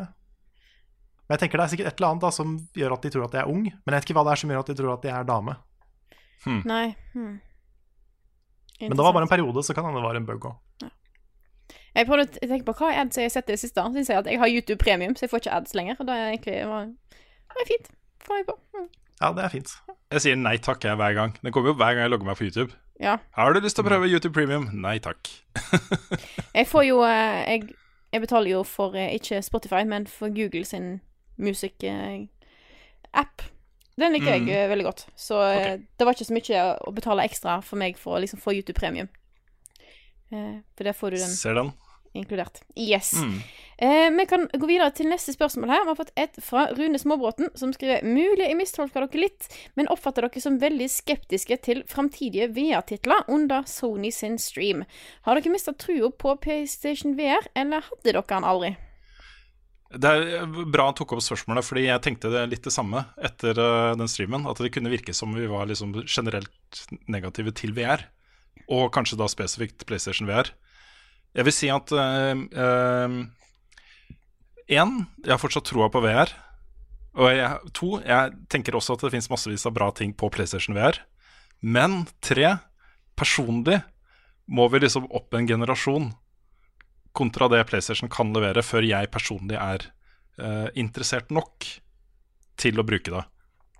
Ja, det er det jeg òg tenker. Fordi at det her Det har veldig Altså, om jeg har mista trua eller aldri hadde den Jeg har veldig trua på VR. Uh, jeg ser hva det kan bli. Jeg tror vi, vi, vi må litt lenger, altså, før vi er der. Selv om Altså, jeg hadde jo et eh, PlayStation VR-spill på topplista mi for 2018. Så eh, hvis du har spill som er på en måte eh, ikke på en måte jeg, jeg har ikke helt tro på den der OK, vi tar et vanlig sp et spill vi har laga før, og så adapter vi det til VR. Jeg tror ikke det er den beste måten å gjøre det på. Jeg tror egne spesiallaga VR-opplevelser er, er veien å gå. Ja, Når det er sagt, altså, jeg blir jo veldig nysgjerrig på eh, No Man's Sky, eh, som får VR-oppdatering til sommeren. Perfekt spill med, eh, for VR-støtte. Eh, det kommer også til HTC Vive, ikke bare PlayStation VR. Eh, men hele spillet blir da støtta i VR. Og Grunnen til at det kan funke dritbra, er jo at når du går lander på en planet, så kan du sette deg i et kjøretøy og bruke det til å komme deg rundt istedenfor å gå. ikke sant? Og da er på en måte den der dissonansen mellom eh, at du, har, du sitter stille, men beveger deg, eh, blir litt fjerna pga. det. da. Uh, jeg tenker at det kan bli en magisk opplevelse, så lenge man ikke får vondt i hodet etter ti minutter og får lyst til å kaste opp. da. Ja. Ja, fordi Får lyst til å kaste opp. Det er ikke sånn at du må kaste opp, du får lyst, du får skikkelig lyst til å kaste opp. Jeg har sykt lyst til å kaste opp nå. Ja. Nei, men Det er litt det som er problemet mitt òg. At jeg, jeg, jeg har troa på VR in the long run, men den generasjonen her er eh, Det er ikke nok for meg, altså. Det er sånn Det er mye kult. Eh, Beat Saber er kult. Eh, anmeldte Moss, det var veldig bra, liksom. Men jeg blir så sliten av å bruke VR-headset som de er nå. Altså, de er sånn ubehagelige, de er sånn svette inni, de er tunge. Uh, og de har akkurat for dårlig oppløsning og tracking til at man blir litt uh, surrete av det. Mm. Og det, de må liksom komme over noen av de der, altså, før, uh, før det er noe for meg. I tillegg så er det litt for tungvint. Det er for mange kabler. Og dette kan være et problem som er på en måte kun fordi at jeg prøver å Prøver febrilsk å ta opp gameplay fra den jækla dritt PlayStation VR-headsetet. Det får jeg ikke til. Det, er- det, er, det er så mange kabler og så mange ting, og så ingenting funker, og plutselig så har jeg bildet kun på TV-en, eller kun i headsetet, eh, eller Ja, nei, men aldri i opptaksprogrammet mitt. Så jeg, jeg, har, jeg har sånn Jeg har blitt litt sånn sint på bare liksom det tekniske bak VR. Eh, så det gjør meg litt sånn ekstra frustrert. Jeg klarte ikke å ta opp gameplayet av eh, Beat Saber til eh, videoen min, for eksempel. Da, Hmm. Og ingen har svar. De sier liksom bare 'ja, bare koble inn kablene'. Det har jeg gjort! Så det er altfor mye Det er altfor mange Det er litt for mange kabler og litt for mye ting. Det er liksom, Du må ha en egen boks, så skal det være en kabel som går til PlayStation, og så må du få HDMI fra den ene til den andre, og så til den tredje, og alt. Eh, Mm. Når alt blir trådløst, å, da blir fint. Da, da er VR eh, klart for å ta av. Jeg vil jo også si at uh, Skulle du si noe, Karl? Sånn som det var Nei, bare, bare, nei, bare trådløst og lettere. Mm. Pluss at det går an å ha briller på seg. Det de gjør det nå, men det er akkurat litt for ubehagelig. Ja. Det trøkker inn i trynet ditt. Men det gjøres jo ting nå da som er på en måte viktige tror jeg, for den videre veksten av VR eh, og eh, spredningen av det. Og det er jo for det første da PlayStation VR, som eh, jeg opplever som kanskje mer tilgjengelig enn uh, disse svære riggene til PC. Uh, du kan kjøpe bundles, f.eks., med spill og headset og konsoll og alt. Og er, jeg føler det er litt lettere, og det er massevis av bra spill også til PlayStation VR. Og så kommer jo da Switch med en VR-løsning til Labo, som uh, kanskje kan gjøre folk mer interessert i VR, og begynner å kjøpe flere VR-spill, og gjør da utviklerne mer interesserte i å lage VR-spill. Eh, så det trenger jo en viss sånn spredning og en, eh, en eh, mottakergruppe som er stor nok til at det er verdt å bruke tid på å lage gode VR-spill. ikke sant? Mm. Så det kan skjer ting nå i løpet av 2019 og 2020 som er viktige for uh, dit man skal med VR. Og dit man skal med VR, er jo behagelige, gode headset som er digg å ha på hodet, med høy nok oppløsning og uh, fær- færrest mulig kabler. Og dritbra spill, ikke sant. Da, da er jeg der. Yes, vi tar neste spørsmål her. Eh, dette er et spørsmål som sikkert en del av lytterne våre har vel veit svaret på. Men jeg har fått inntrykk av at vi har fått veldig mange nye lyttere til podkasten og til Level Up generelt, fordi at det var eh, en del nye på streamen eh, på onsdag, og lyt, altså, lyttertallet vårt går opp og sånne ting. Så jeg tar det opp likevel. Bare for å liksom gi en liten intro. Uh, og dette er fra Budvar uh, Killmister, Killmis- eh, Killmister, som skriver Livlære, Livnærer dere dere av Level Up, eller har dere andre jobber på sida av? Så jeg tenker liksom For nye lyttere som ikke helt vet hva, hva vi gjør, og hvem vi er, Mm. rett og slett. Uh, level up is me. Yes. Yes. And me. And me. Ja, nei, det er, Carl og jeg, vi eh, gjør dette på heltid. Dette er mm. vår eh, 120-30-40-50 jobb. Vi har ingen andre inntekter. Eh, det vil si, jeg har en annen inntekt, da. Kona mi tjener jo også penger. Hun jobber jo også. Ja. Ja. Så husholdningen har en annen inntekt, men eh, jeg tjener ikke penger fra noe annet enn level up. Og jeg er fulltidsansatt på NTNU som doktorgradsstipendiat, så level up blir da mine eh, ekstra 20-30-50% i Ikke 50 det høres veldig mye ut. De ekstra prosentene, da, som, eh, Ja. som vi legger oppå der. Mm. Eh, så og, Ja, tenkte bare liksom nevne det, da, siden eh, For de som er nye. Ja, jeg fikk jo også en melding, jeg skal ikke si hvem det er fra, fordi det var en privat melding Uh, med uh, innspill. Det var ikke noe voldsomt negativ, uh, for så vidt. Mer sånn spørsmål, tror jeg. eh, på at eh, han, skjønte ikke da hvorfor vi klager på dårlig økonomi i selskapet vårt. Eh, og ser da på inntektene vi får fra Patron, som er ca. 90 000. Han trodde det var 120 000 um, i måneden, og tenker at det må jo være mer enn nok til at vi har det helt fint, liksom. Men det er jo arbeidsgiveravgift på 18 eh, pluss eh, vanlig inntektsskatt da, og firmaskatt. Hvis vi skulle komme til skade for å ha noe penger på bok ved årsslutt, så må vi skatte av det. Eh, det er utgifter til alt. Altså kontor eh, har vi jo måttet la være, for det har vi ikke råd til. Eh, innkjøp av utstyr, innkjøp av spill. Eh, og den største utgiften vår utover det er jo frilansere, sånn som det er i Frida, og Nick og Svendsen, alle som leverer ting til oss, eh, fakturerer jo. Så kanskje kanskje 10-15% av de 90 000 igjen går til, til det. Det er, ikke, det er ikke mye penger for et uh, selskap som har to fulltidsansatte og uh, x antall frilansere, og som har behov for investeringer utover rene lønnsutgifter. Uh, Det det er ikke mye penger. Altså, det, det, er, det er akkurat nok, og det må jeg stresse. Det er, jeg føler meg utrolig heldig og privilegert som i tre år nå har vi holdt på med dette her. Og det er bare fordi nok, akkurat nok mennesker betaler litt i måneden um, for at vi skal kunne gjøre det. Det er inntekten vår. Det er 90% av inntekten vår er Patron.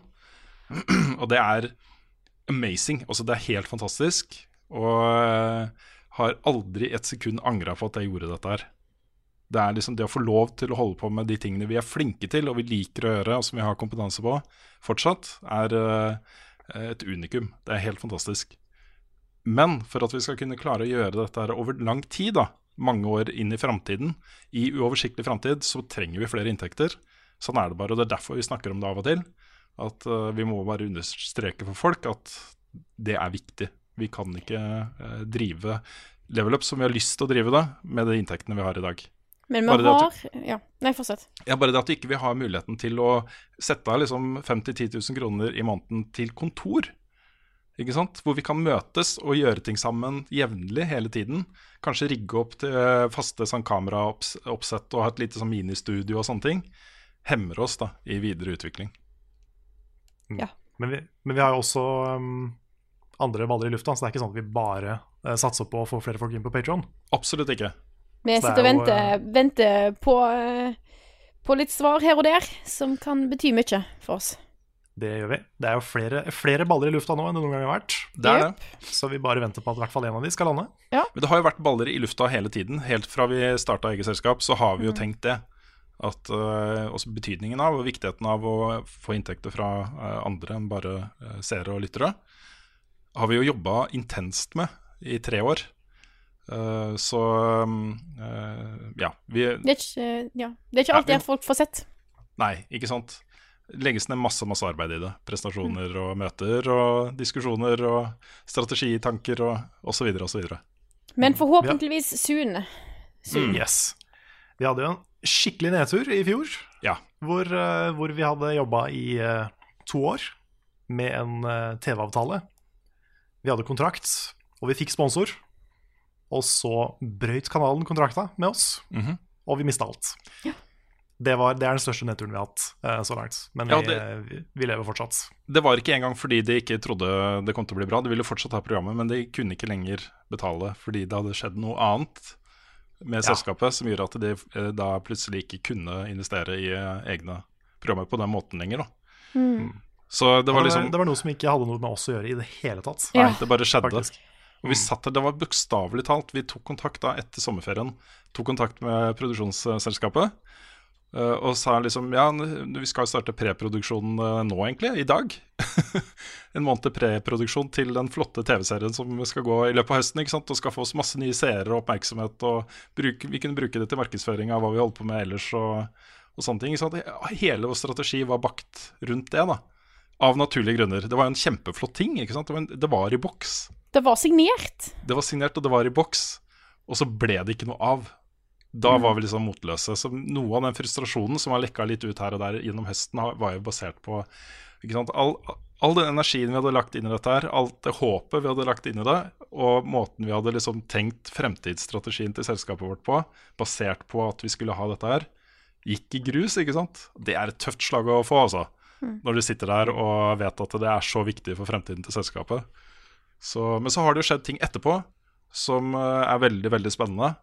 Eh, og kanskje også bedre enn en TV-avtale. Så vi får se, da. Vi håper jo noe av dette lander.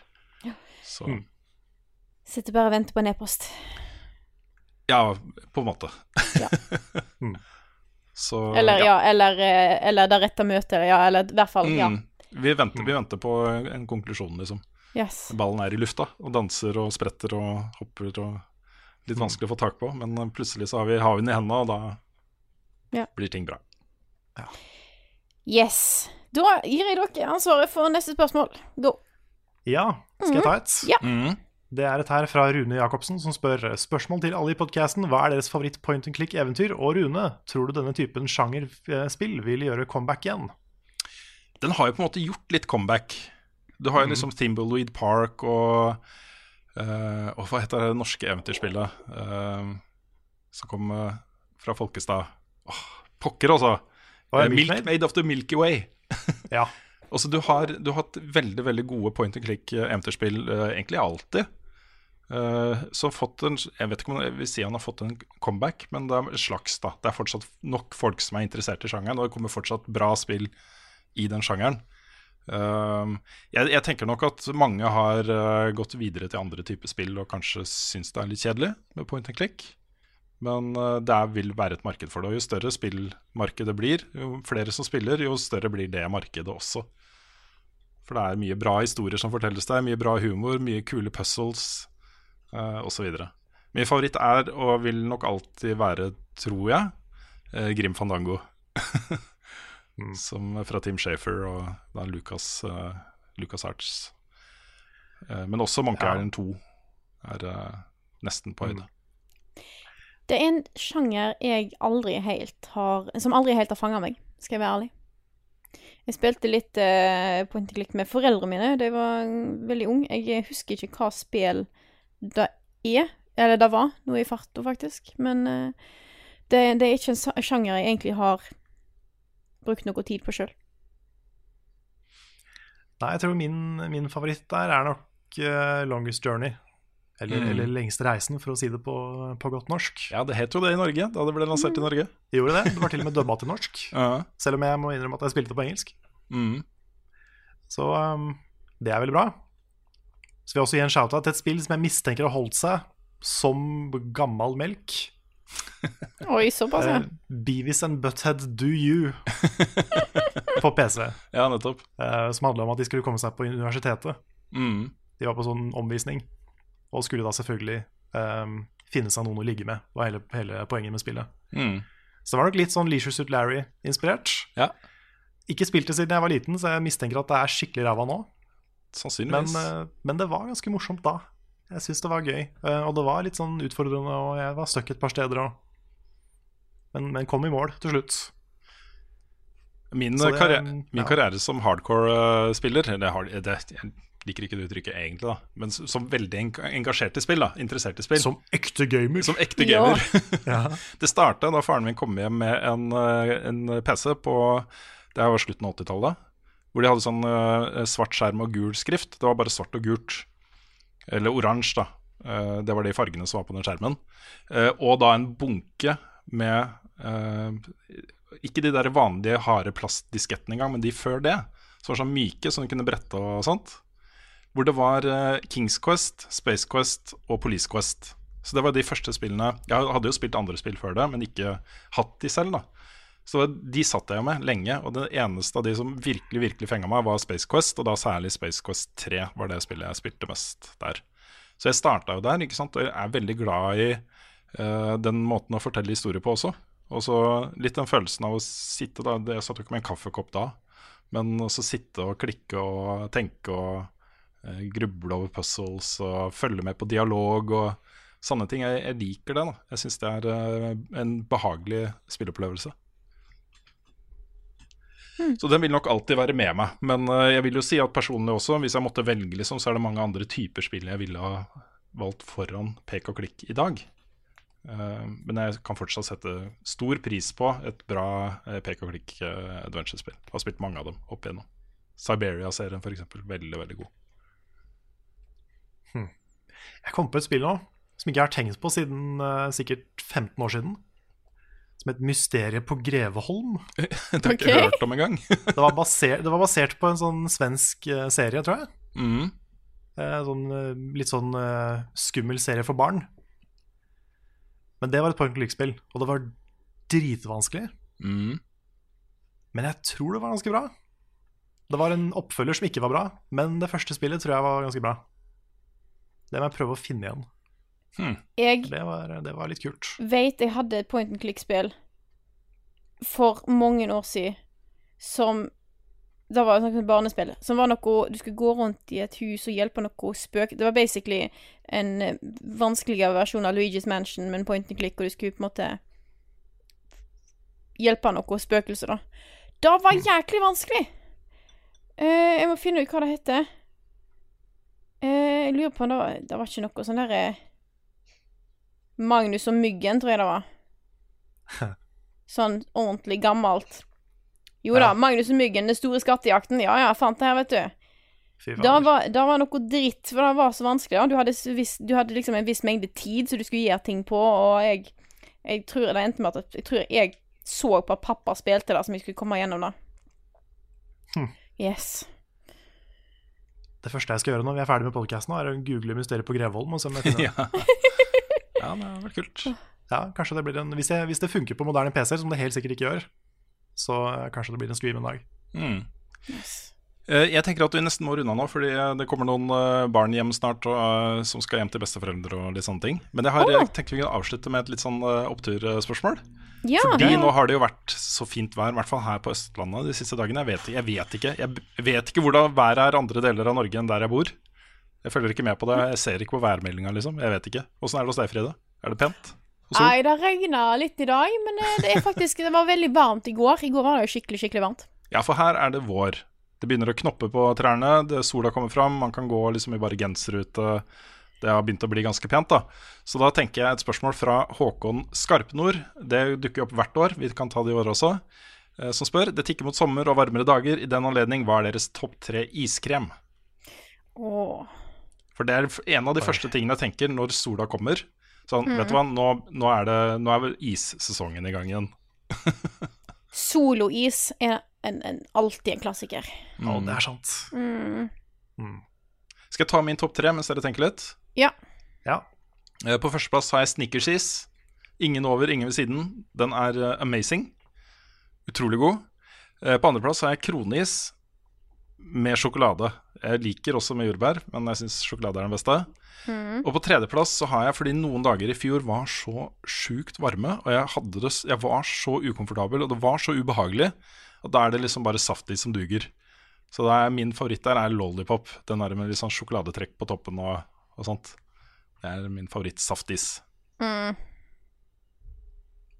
Ok, jeg har en Yes. liste. -hmm. På tredjeplass, fordi du sa det, Frida, Solvisen. -hmm. Den er amazing. Og så på andreplass har jeg Frutero med sånn Er det mangosmak, den gule? Å ja, den er god. Den er så god. Så det er nummer to. Og på førsteplass, de få stedene i Oslo som fortsatt har det, Shave Ice. Hmm. Med cola og vannmelon. Bare saftiser, altså? Ja, Ja. jeg liker saftis. Mm. Jeg vurderte å ha med softis på lista, men så sa Frida solisen, og da gikk det ikke. Jeg driver og blar gjennom eh, lista som eh, Henning Olsen har, eh, men på topp hos meg så er det solois. Så tror jeg kanskje jeg går for uh... Det er en Jeg husker ikke hva det er. Jeg lurer på Det var noe sånn yoghurtis med sitron som de hadde i fjor. Jeg vet ikke om de har den fortsatt. Den var veldig god.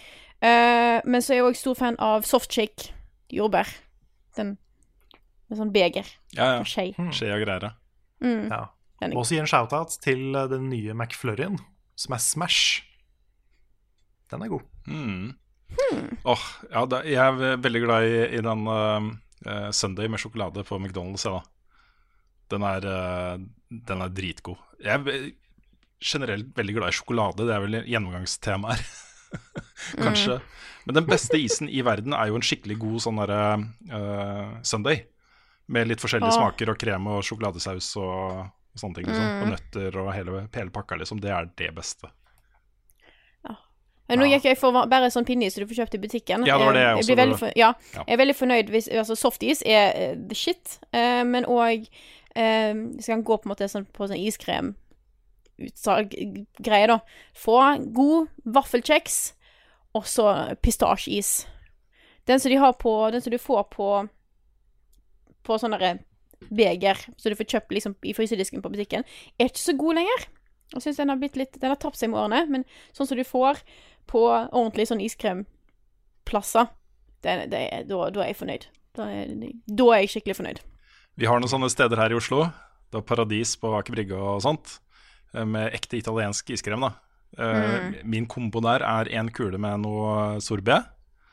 Gjerne bringebær eller jordbær eller noe sånt. Og én kule med mørk, eh, kraftig sjokolade. Åh, nam. Men over der igjen. Ja. Skjeveis med cola og vannmelon. Ja, nettopp. Ok. Greit. Nå fikk jeg veldig lyst på is, da. Det er mulig at det kan hende at jeg gjør noe med det etter at vi har spilt inn podkasten, mens dette rendres og skal ut og publiseres og sånt. Ja. Yes. Nei, da tror jeg eh, det, jeg tror det er et bra tidspunkt å runde av podkasten. Så vil jeg, eh, siden vi har snakka litt om at vi ikke kunne klart oss uten deg på Patreon, så må jeg gi en stor, stor, stor takk til alle dere som faktisk backer oss på Patreon.